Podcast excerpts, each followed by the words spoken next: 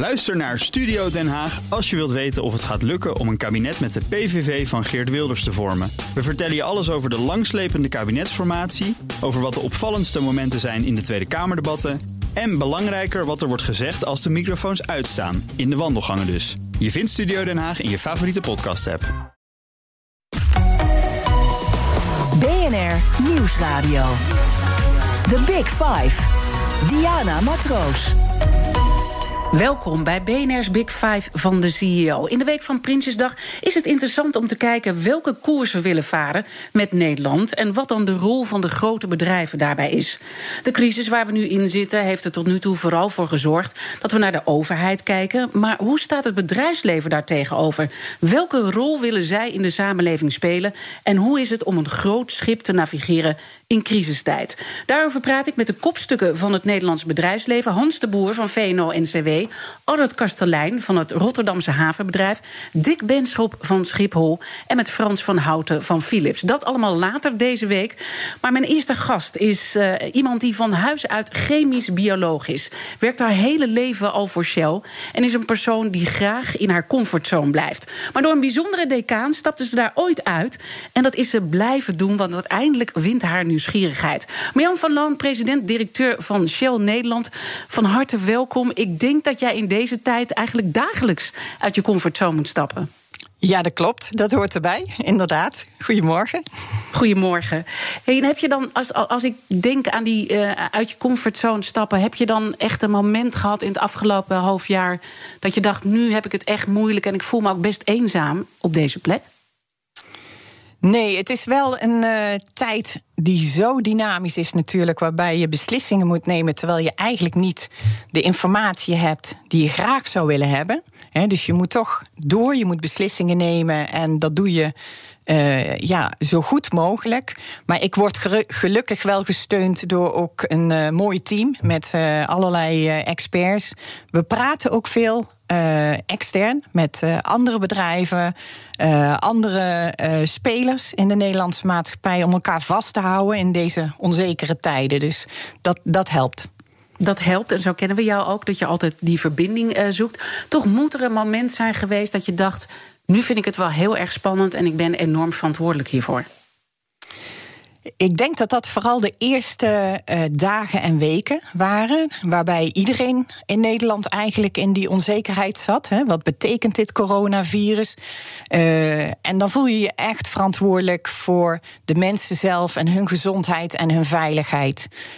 En uh, we hebben natuurlijk uh, mensen die gewoon door moeten. Uh, we zijn een vitale sector en dat betekent dat de mensen op de fabriek door moeten, want anders kunnen mensen in Nederland niet meer douchen of eten koken. En dan valt alles stil.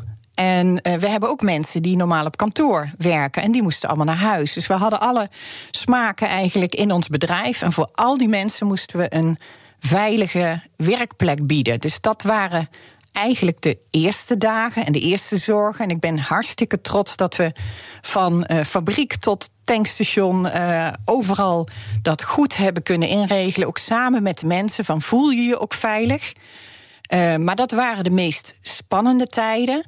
Wat toen ook wel hielp, was het gevoel dat iedereen meteen had van ja, het is spannend, maar het is voor iedereen spannend in Nederland.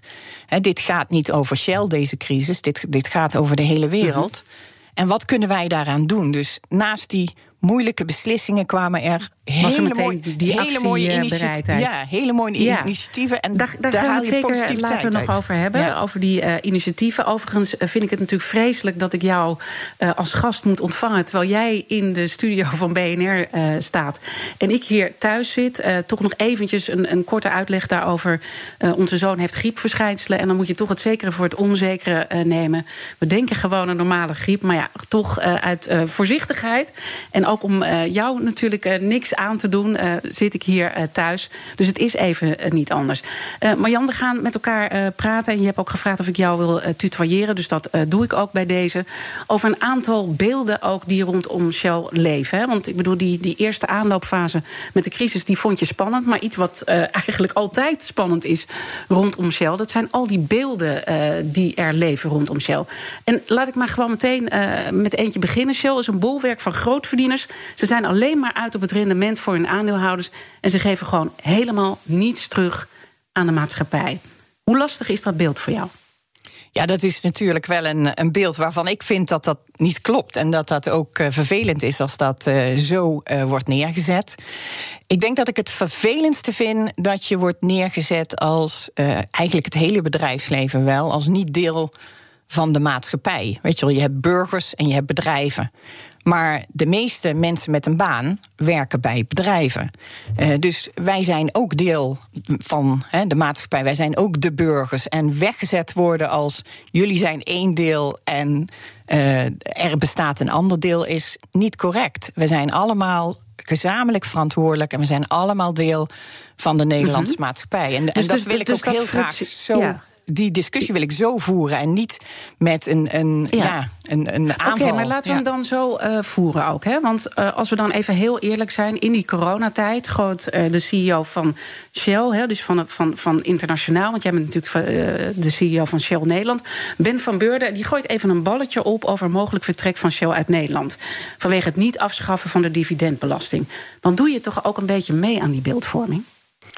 Nou, dat, dat uh, dit komt weer neer op een ander stukje, denk ik. En dat gaat over de complete informatie. Als je kijkt naar wat uh, Ben van Beurden heeft gezegd, dan zegt hij eigenlijk, en als je, je kunt het uh, interview erop nalezen, er zijn geen plannen om te vertrekken uit Nederland.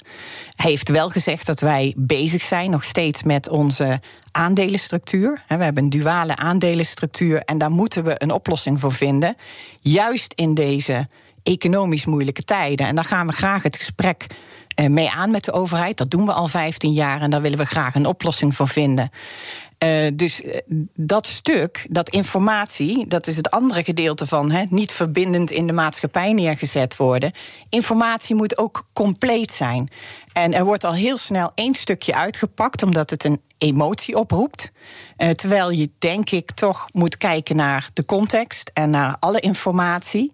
Als je kijkt naar he, Shell in Nederland, hoofdkantoor hier, dat houden we heel graag. We zijn heel actief in de Nederlandse uh, markt. We zijn ook verbonden -hmm. met heel veel bedrijven. Dat geven we zomaar niet ja. op. Wij doen zaken met 2500 Nederlandse maar, maar, bedrijven. Maar, dat, dat uh, Marjan, niet. Ja? De, de, hè, dat snap ik. En we moeten naar het, uh, het geheel kijken. Maar jullie overwegen het toch wel. Ik bedoel, dat balletje wordt wel opgegooid. Er wordt toch even ons geattendeerd als Nederland dat we daar wel ook voor moeten waken, toch? Er wordt wel gezegd, en dat geldt voor alle bedrijven, hè, en ook daar weer, dat is belangrijk voor onze welvaart, dat Nederland uh, goed moet letten op zijn economische verdienvermogen. En daar uh, is uh, de, het vestigingsklimaat een heel belangrijk onderdeel van. Nederland is een relatief klein land en verdient heel veel van zijn welvaart door handel in het buitenland. Dat is al heel lang zo en daar zijn we eigenlijk ook heel trots op. Dat betekent dat je concurrerend moet kunnen zijn in het buitenland met die bedrijven die gevestigd zijn in andere landen. En daar moeten we gewoon goed op letten. Terwijl we in dynamische tijden leven, terwijl we die balans proberen te vinden, moeten we de economie van Nederland en de, en de competitie in het buitenland goed aan kunnen blijven gaan. En, mm-hmm. daar en, en iedereen begrijpt, uh, iedereen begrijpt natuurlijk dat dat hele spectrum uh, wordt meegenomen. Uh, maar aan de andere kant, er zijn zoveel zaken die ook leidend zijn als vestigingsklimaat. Hè, dat wij hier goede infrastructuur hebben, dat we goed opgeleid uh, personeel hebben. Wat, wat vind je nou zelf van de gedachte dat Shell overweegt om uit Nederland weg te gaan? Shell overweegt niet om uit Nederland weg te gaan. Dat zegt Ben van Beurden in dat interview heel duidelijk. Er zijn geen conc concrete plannen om weg te gaan. We hebben wel zorgen over het investeringsklimaat en het vestigingsklimaat in Nederland. Omdat Nederland toch een beetje de neiging heeft in deze tijden een hekje om het land te zetten. En alleen te kijken naar hè, wat er in Nederland gebeurt. Terwijl heel veel bedrijven ook in het buitenland zaken moeten doen. En dat is ook belangrijk voor Nederland. Dat is onze welvaart. Hè, dat is ook belangrijk voor alle Nederlandse burgers. Dus wij vragen aandacht uh, voor uh, dat vraagstuk. Wij snappen ook dat daar continu naar gekeken moet worden en gebalanceerd moet worden. Maar een internationaal bedrijf, wat wij uh, ook zijn, moet ook, denk ik, aan de bel trekken als ze zeggen: doe dit nou in Europees verband. He, doe het nou samen uh, met andere landen. Doe het in internationaal verband. En als Nederland toch daar uh, uit de pas gaat lopen, dan neemt het ook risico's. En ik denk dat dat ook deel van onze verantwoordelijkheid is om te zeggen: van joh, heb je dit goed op je netvlies? Fijn dat je luistert naar BNR's Big Five van de CEO's. The Big Five. Diana Matroos. Mijn gast is Marjan van Loon. Zij is de president-directeur van Shell Nederland. Uh, uiteindelijk, als we het hebben over deze discussie, hè, waarvan jij ook zegt: oké, uh, wij moeten ook stilstaan wat er internationaal gebeurt en hoe wij dan daarmee in de pas willen blijven lopen. Uh, dan past dat eigenlijk ook bij een bredere discussie die we dit moment in, in, Nederland zien. En dat is dat het bedrijfsleven niet veel vrienden heeft in de politiek en in de samenleving. Dat zijpelt er eigenlijk de hele tijd doorheen. Dat was al aan de gang. En dat is nog steeds zo. Hoe kijk je daarnaar? Ja, ik maak me uh, daar ook echt zorgen over. En ik denk dat de oplossing bij alle partijen ligt. Ik denk ook dat het bedrijfsleven mee moet veranderen. We horen die vraag ook. Wij luisteren en we weten dat er voor ons ook veel werk te doen is. Wij moeten, en zoals het programma van VNO-NCW ook heet, wij moeten bruggen gaan bouwen. Wij moeten transparanter zijn. Wij moeten durven te veranderen. Wij moeten meegaan. Uh, we moeten die verbinding zoeken. Dus ik denk dat het bedrijfsleven uh, daar uh, ja, hard mee aan de slag is gegaan en nog steeds een hoop werk te doen heeft. Tegelijkertijd hoop ik dat het bedrijfsleven ook welkom is in die maatschappelijke discussie. Want zoals ik al zei, dat wij, kunnen heel veel betekenen voor Nederland. Dat doen we al. Uh, wij maken het, het, het, weefsel van, van, van de maatschappelijke economie. Wij, wij zijn belangrijk voor banen. Ik las mhm. in het CBS-onderzoek dat uh, multinationals, waar het vaak over gaat, goed zijn voor 1 miljoen uh, uh, banen in Nederland. Ja, dus en dat horen we dus vaak wij van alle grote bedrijven. Zoeken. Ja, nee, dat snap ik. En dat, dat horen we natuurlijk vaak. Dat, dat jullie belangrijk zijn voor de werkgelegenheid. En ook al die uh, andere grote bedrijven. Uiteindelijk gaat het er natuurlijk om. willen de bedrijven ook meer belasting betalen om ook te zorgen dat we de publieke sector weer kunnen herstellen. Ik heb twee weken geleden heb ik uh, minister van Staat Herman Tjeng Willink uh, was bij mij te gast in dit programma. En die zei: we moeten veel meer aandacht hebben voor de publieke taak in plaats van de markt. Ben je het met hem eens? Ja, als je het gaat hebben over de publieke taak en de rol van de overheid, dan zie je nu echt wel, denk ik, een beetje een kentering in die dynamische tijden. Wij zitten zelf midden in de energietransitie. We hebben het klimaatakkoord ook uh, getekend als groot bedrijf. En daar staat ook in dat de overheid een actieve taak gaat nemen. Een regierol voor de overheid. Nou, dat hoeft niet altijd per se financieel te zijn. Dat kan ook hè, beleidsmatig zijn.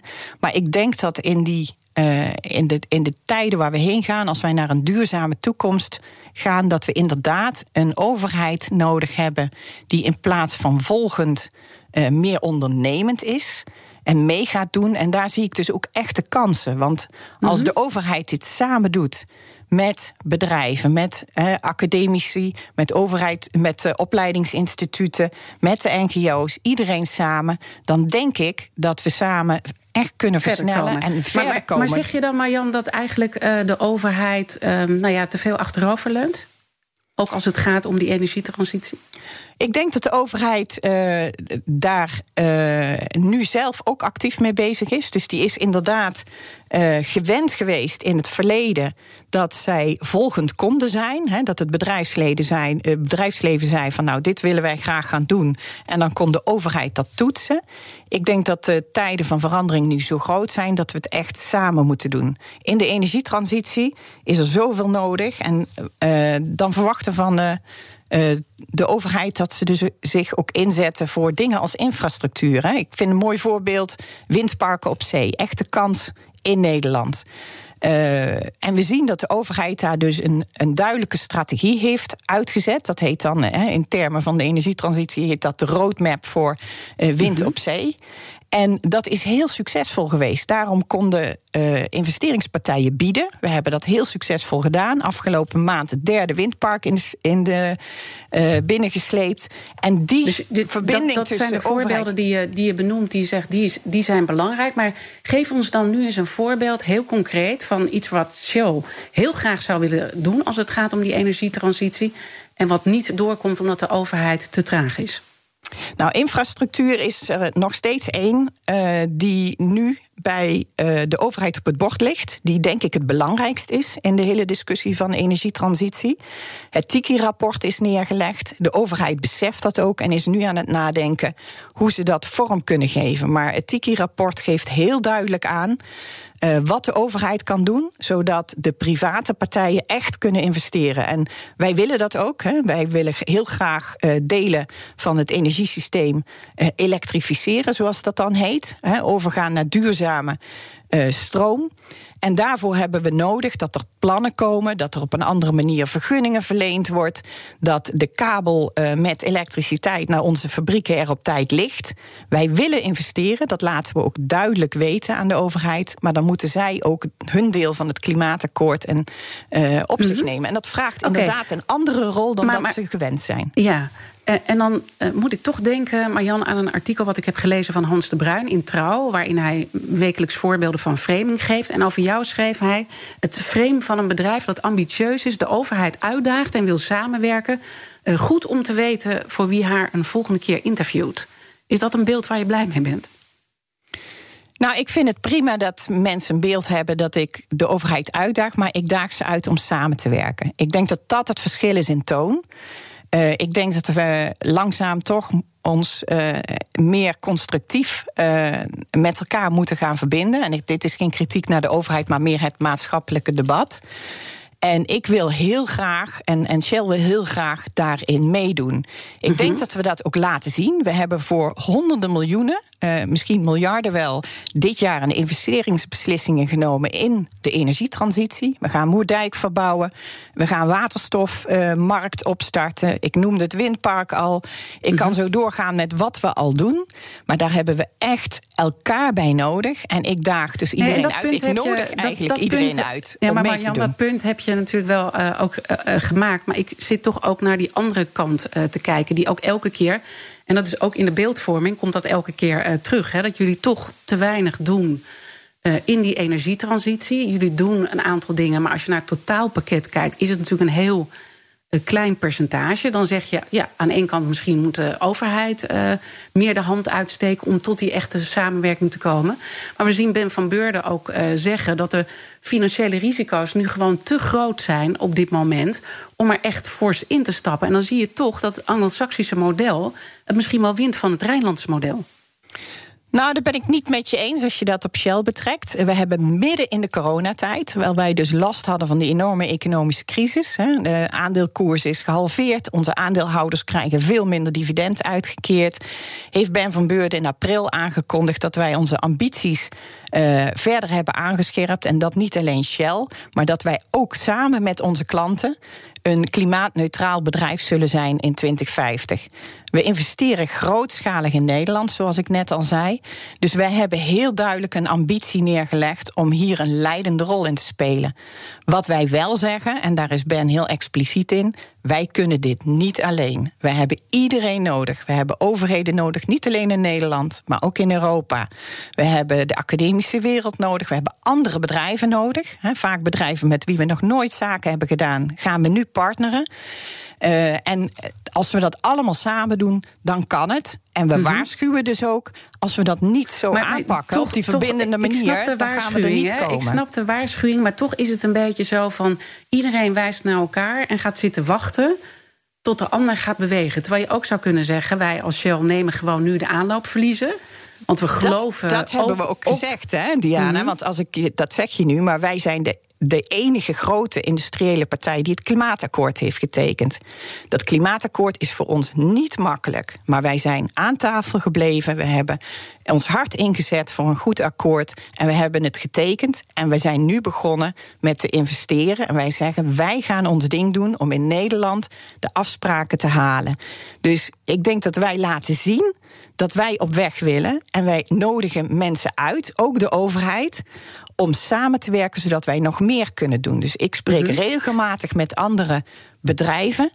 Uh, ik spreek regelmatig met de overheid en dan laat ik zien wat wij willen gaan doen. En dan zeg ik, en dit heb ik van jullie nodig. Het Noord H2-project in uh, ja, nee, Groningen is een heel, heel mooi niet, voorbeeld van. Niet, ja, ja. Uh, ja maar ik wil het, het wel weer zo... leggen wat je, wat je zegt. Want je ja, zegt nee, van, dat snap ik. En daar krijg je, je ook de ruimte, genoeg, dat, de, ja, daar krijg je ook de ruimte voor. Maar waar ik ook naartoe wil is... Um, Is het niet ook heel erg hypocriet van de Nederlandse samenleving dat we van alles verwachten terwijl we zelf uh, die kachel elke dag aanzetten en de auto pakken? Ik bedoel, dat is ook een stakeholder die je uiteindelijk nodig hebt.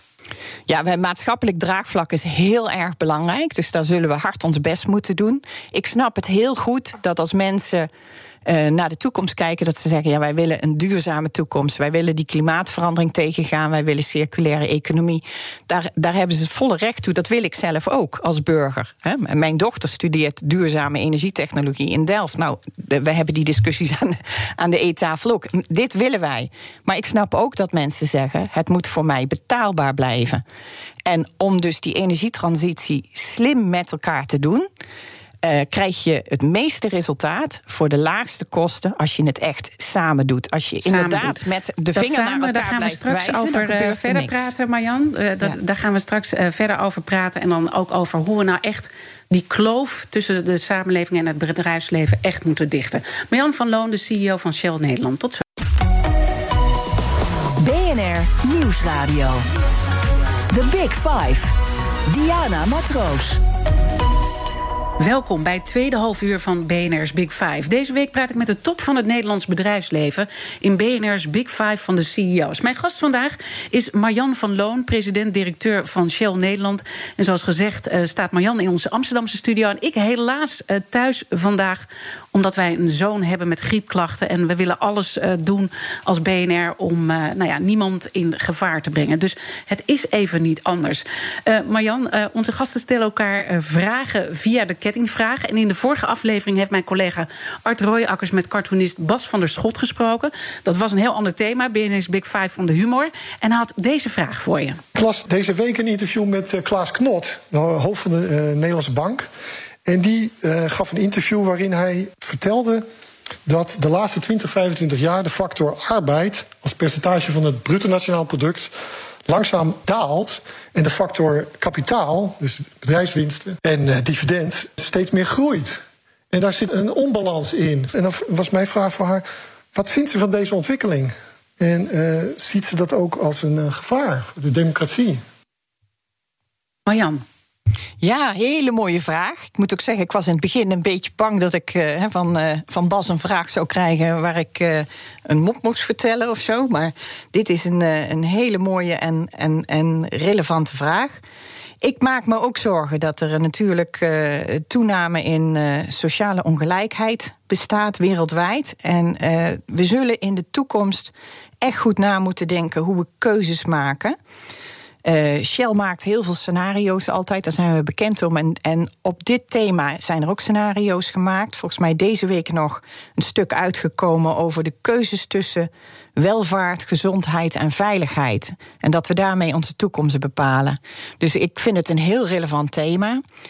Uh, ook omdat ik me zorgen maak dat heel veel landen dat toch heel erg op hun eigen land en op korte termijn betrekken. En uh, ja, dan, dan ga je toch naar een wereld waar ieder voor zich begint te werken. Dus um, ja, ik kan dat wel zien. Ja, ja je, ziet, je ziet het gevaar, je ziet de, onbalans. Uh, en, je, bent het dus ook eens met uh, Klaas Knot uh, zijn zorgen daarover, hoor ik. Je stipte dat ook al eerder in het eerste deel van ons gesprek. Stipte je dat aan, dat je daar zorgen over maakt. Dan is wel mijn vraag, wat, wat gaat Shell dan doen... heel concreet om te zorgen dat die kloof weggaat en dat die zorg en die onbalans weggaat? Ja, ik denk dat wij dus uh, uh, heel duidelijk mee moeten doen als maatschappelijke speler. Wat dat betreft hè, vind ik de coronatijd een heel mooi voorbeeld van uh, hoe het ook kan. Daar hebben heel veel partijen die normaal nooit met elkaar samenwerken, elkaar heel snel kunnen vinden om die, die moeilijke vragen over uh, ondersteuning van zorg, testkits enzovoort, met elkaar op te lossen. Daar hebben we prachtige voorbeelden van. De, de 3D-printing van maskers voor de zorg. Dus bedrijven kunnen daar echt een rol in vervullen. Um, wij zullen ook daar heel transparant over moeten zijn. Welke rol we willen spelen. We zullen goed moeten luisteren. En uh, dat samen met elkaar oppakken. En dan denk ik dat een bedrijf als Shell uh, maatschappelijk natuurlijk de meeste impact kan maken door de energietransitie met ambitie uh, op te pakken en onze rol daarin te spelen. Dus om ook te zorgen dat we dat stuk van de toekomst met elkaar voor elkaar boksen. Maar, maar hoe staat dat dan in verhouding als je toch. Um, je moet ook rekening houden met die aandeelhouder. En we horen jullie ook tegelijkertijd zeggen: we willen het wel doen. Maar we kunnen nu niet te grote financiële risico's nemen. Want dan uh, kunnen we niet meer richting die aandeelhouder ons verhaal uh, in redelijkheid brengen. Dus, dus daar zit natuurlijk wel een spanning. Ja, dat klopt ook. En dat is een goede vraag. We hebben als Shell hebben wij, onze strategie bestaat uit drie delen. En de ene is financieel gezond blijven. Ja, dat is een soort hè, voorwaarde voor een bedrijf om in de toekomst te kunnen bestaan. Het tweede gedeelte is om actief eh, leiderschap in de energietransitie te laten zien. En het derde stuk is een sterk maatschappelijk draagvlak. Dus die drie moet je met elkaar samenpakken om zo uh, naar de toekomst te kijken. En dat is ook echt de strategie van Shell. Dus uh, daarin willen wij ook acteren. Het gaat niet alleen over de aandeelhouder, het gaat over alle drie. Ik denk ook dat daar, als je dan kijkt naar Shell's toekomst, hè, we hebben gezegd, we hebben midden in de coronatijd onze ambities op energietransitie uh, verscherpt. Tegelijkertijd hebben wij het economisch heel erg moeilijk, zoals je ook al zegt. En daarom hebben wij nu een, uh, een uh, reorganisatie die we willen gaan doen. We zijn die strategie op het moment aan het uitdenken. Waarvan we zeggen, ja, de toekomst van Shell moet er echt anders uitzien. Want om die energietransitieambities waar te maken, moeten we echt andere dingen gaan doen. We zullen dat met minder geld uh, kunnen doen. Dus we moeten scherpere keuzes maken. En daar zijn we op dit moment druk mee bezig. Wat dat betekent voor Shell. En ik denk dat dat een hele grote ja, reorganisatie gaat worden. Ja, want dan zit ik dus ook uh, door de regels heen te lezen. Ook als we Ben van Beurden en nu jou horen. dat uiteindelijk moeten jullie naar ontslagrondes toe. Dat is denk ik onontkoombaar. Ja, we, uh, wat ik zei, het wordt een, een, een, moeilijke uh, economische tijd. maar wel met hele duidelijke punten op de horizon waar we heen willen. Wij zullen dit altijd proberen om dat met zo min mogelijk verlies van, van banen te doen. Uh, het, uh, en, en we hebben nu ook al flinke financiële maatregelen genomen om uh, financieel gezond te kunnen blijven. Ik noemde al dat we de aandeelhouders gekort hebben. We hebben de bonussen op nul gezet. En we hebben heel goed gekeken naar de kosten. Dus we doen er alles aan om dat uh, te verminderen. Maar ja, als we straks uit die strategische uh, uh, route komen en we zeggen: dit is het bedrijf wat we in de toekomst willen zijn, ja, dan zullen we moeten kijken wat dat betekent voor onderdelen van het bedrijf.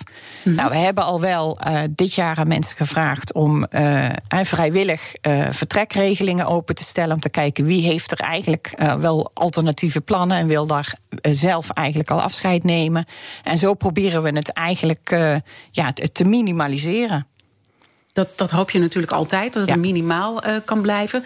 Toch, ik, ik blijf een beetje terugkomen op die spanning tussen de, de aandeelhouder enerzijds en dat Anglo-Saxische model wat jullie he, toch meer uh, aanhangen. Gaat dat nou verschuiven, hoor ik jou dat nou tussen de regels door zeggen? Dat dus de financiële scenario's waarin Shell altijd heeft gedacht, toch iets meer op de achtergrond komen te staan? Is dat wat we nu zien? Ja, wat ik zei, Shell heeft drie strategische uh, doelen. En financieel gezond blijven is voor een bedrijf, elk bedrijf, een voorwaarde. Dus dat kunnen wij ook niet loslaten. Ik kan niet zeggen hier dat dat niet belangrijk is. Maar leiderschap in de energietransitie en sterk maatschappelijk draagvlak zijn voor ons ook heel belangrijk. Dus wij spelen in alle drie. En wij zullen in onze toekomstvisie alle drie meenemen om te kijken hè, wat we kunnen doen en, en wie we zijn.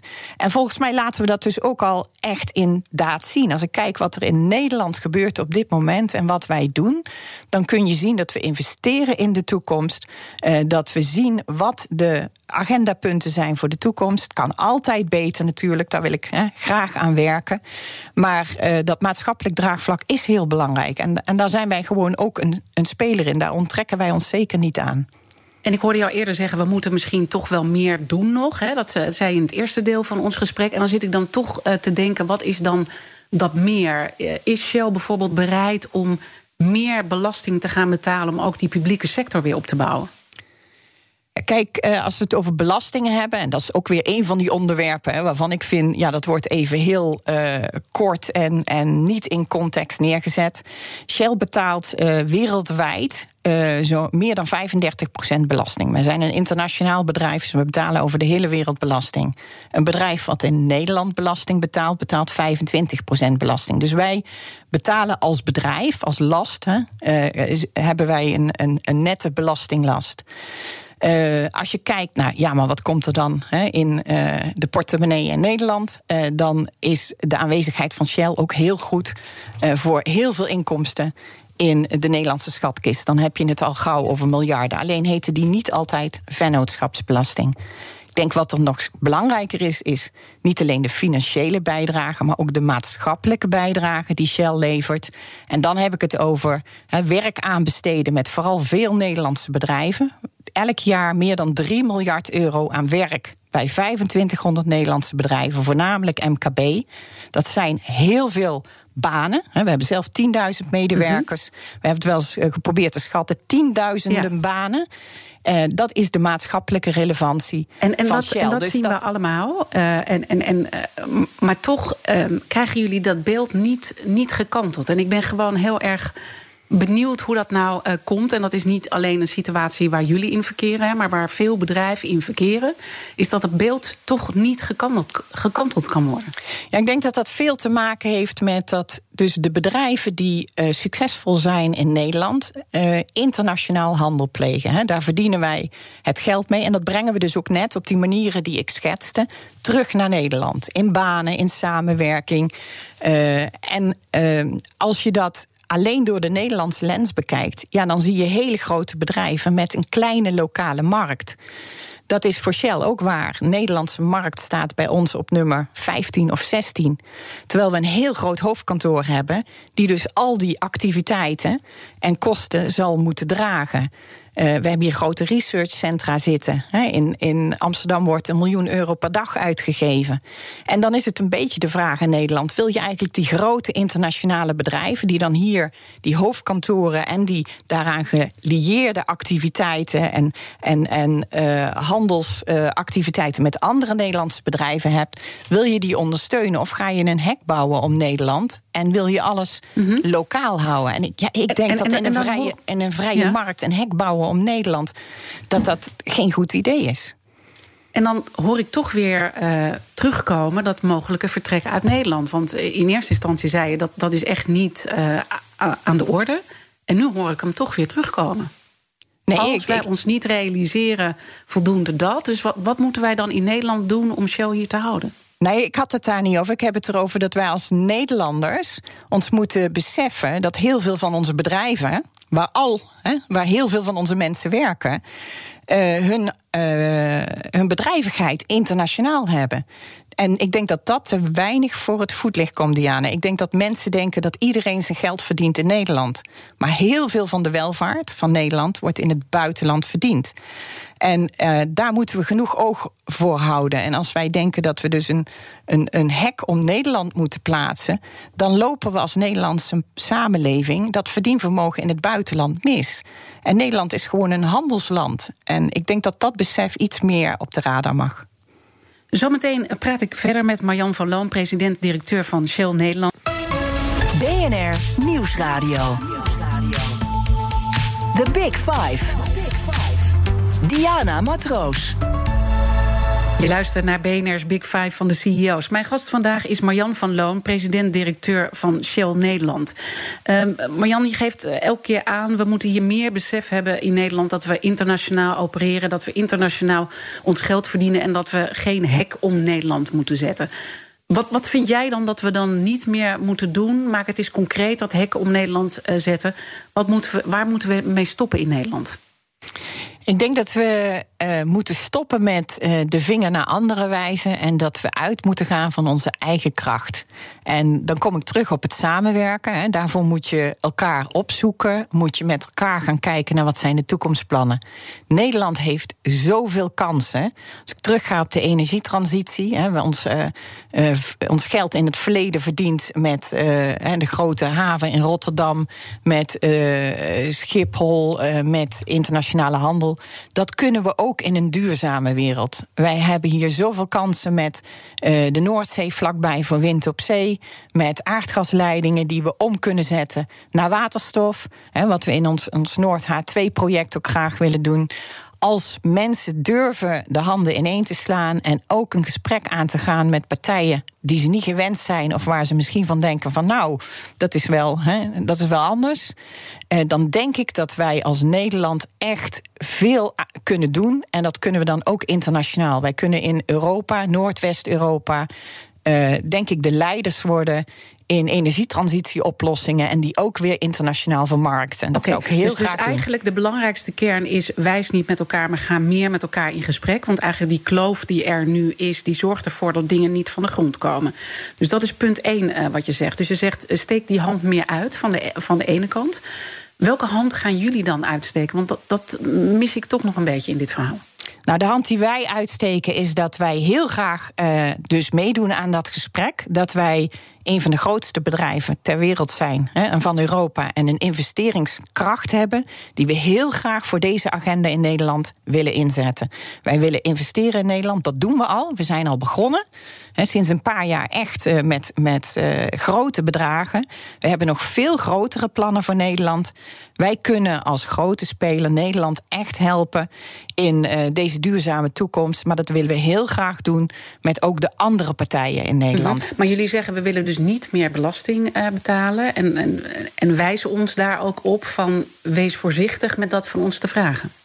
Nou, ik kan me heel goed voorstellen dat met alle veranderingen in de wereld ook het belastingssysteem natuurlijk regelmatig tegen het licht gehouden wordt. Dat verandert gewoon mee. Daar zijn we helemaal niet tegen. En wij zijn ook niet principieel voor hè, je moet zoveel belasting betalen of daar niet. Dat is een uitkomst van uh, uh, beleid en regels die je samen opstelt. Het enige wat wij zeggen is: zorg in die verandering van dat belastingssysteem en dat toekomstbestendig maken van de maatschappij, dat je op Europese en op wereldschaal mee kan blijven doen. Dus zorg dat je jezelf niet buitenspel zet als Nederland uh, in die agenda. En ik denk dat dat kan uh, als we het met elkaar slim doen. En met elkaar betekent ook dat we een aantal partijen echt eh, zien bewegen. We gaan natuurlijk ook richting uh, die verkiezingen. Ik hoor Hugo de Jonge zeggen van... Ik, eigenlijk moeten we stoppen met dat liberale denken. Dat heeft zijn einde gehad met alles vanuit de markt bepalen. Ook Rutte is steeds kritischer eigenlijk als het gaat om de ondernemers...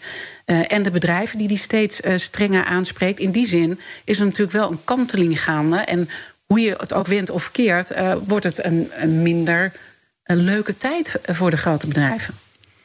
Eh, ik, ik vind het een hele interessante tijd. Want, ja, dat ook. Uh, nee, het, het is inderdaad waar dat we van de overheid een andere rol vragen. We zien dit in de energietransitie met dingen als een klimaatakkoord, met, met mm -hmm. uh, CO2. Maar de, rol, maar de overheid CO2 vraagt ook een andere rol van jullie, hè? Ja, die krijgt een andere rol. Maar dat vinden wij prima, want dat vragen wij ook. Wij vragen aan de overheid: uh, doe mee als ondernemer.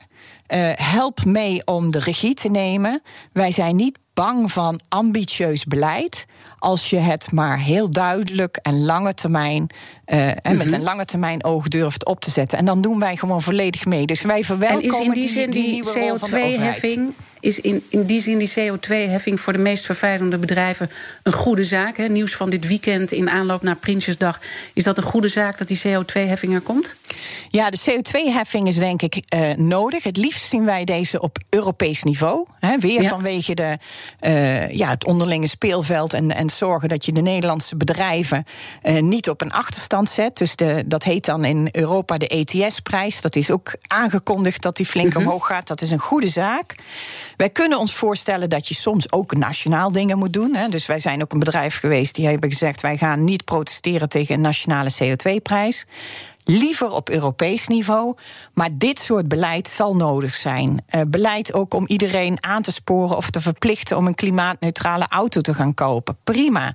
Wij -hmm. gaan als bedrijf zorgen dat die duurzame elektriciteit er ligt, dat de waterstof er is. Maar we hebben inderdaad beleid nodig van de overheid die aan de klantenkant de prikkels geeft, waarbij wij als marktpartijen kunnen acteren. Dus. Oké, okay. en welke hoogte dan? Want uh, de Nederlandse Bank rekent bij, met uh, 50 euro per ton CO2 en uh, nou, een ander onderzoeksbureau, helemaal gespecialiseerd in milieu in Delft, zegt tussen de 80 en 100 hebben we nodig. Nou, in het klimaatakkoord staan ook heel duidelijke richtlijnen. En daar wordt nu ook over uh, gekeken. Ik denk dat het niet zozeer uh, gaat over of dat nou 50, 100 of 150 is.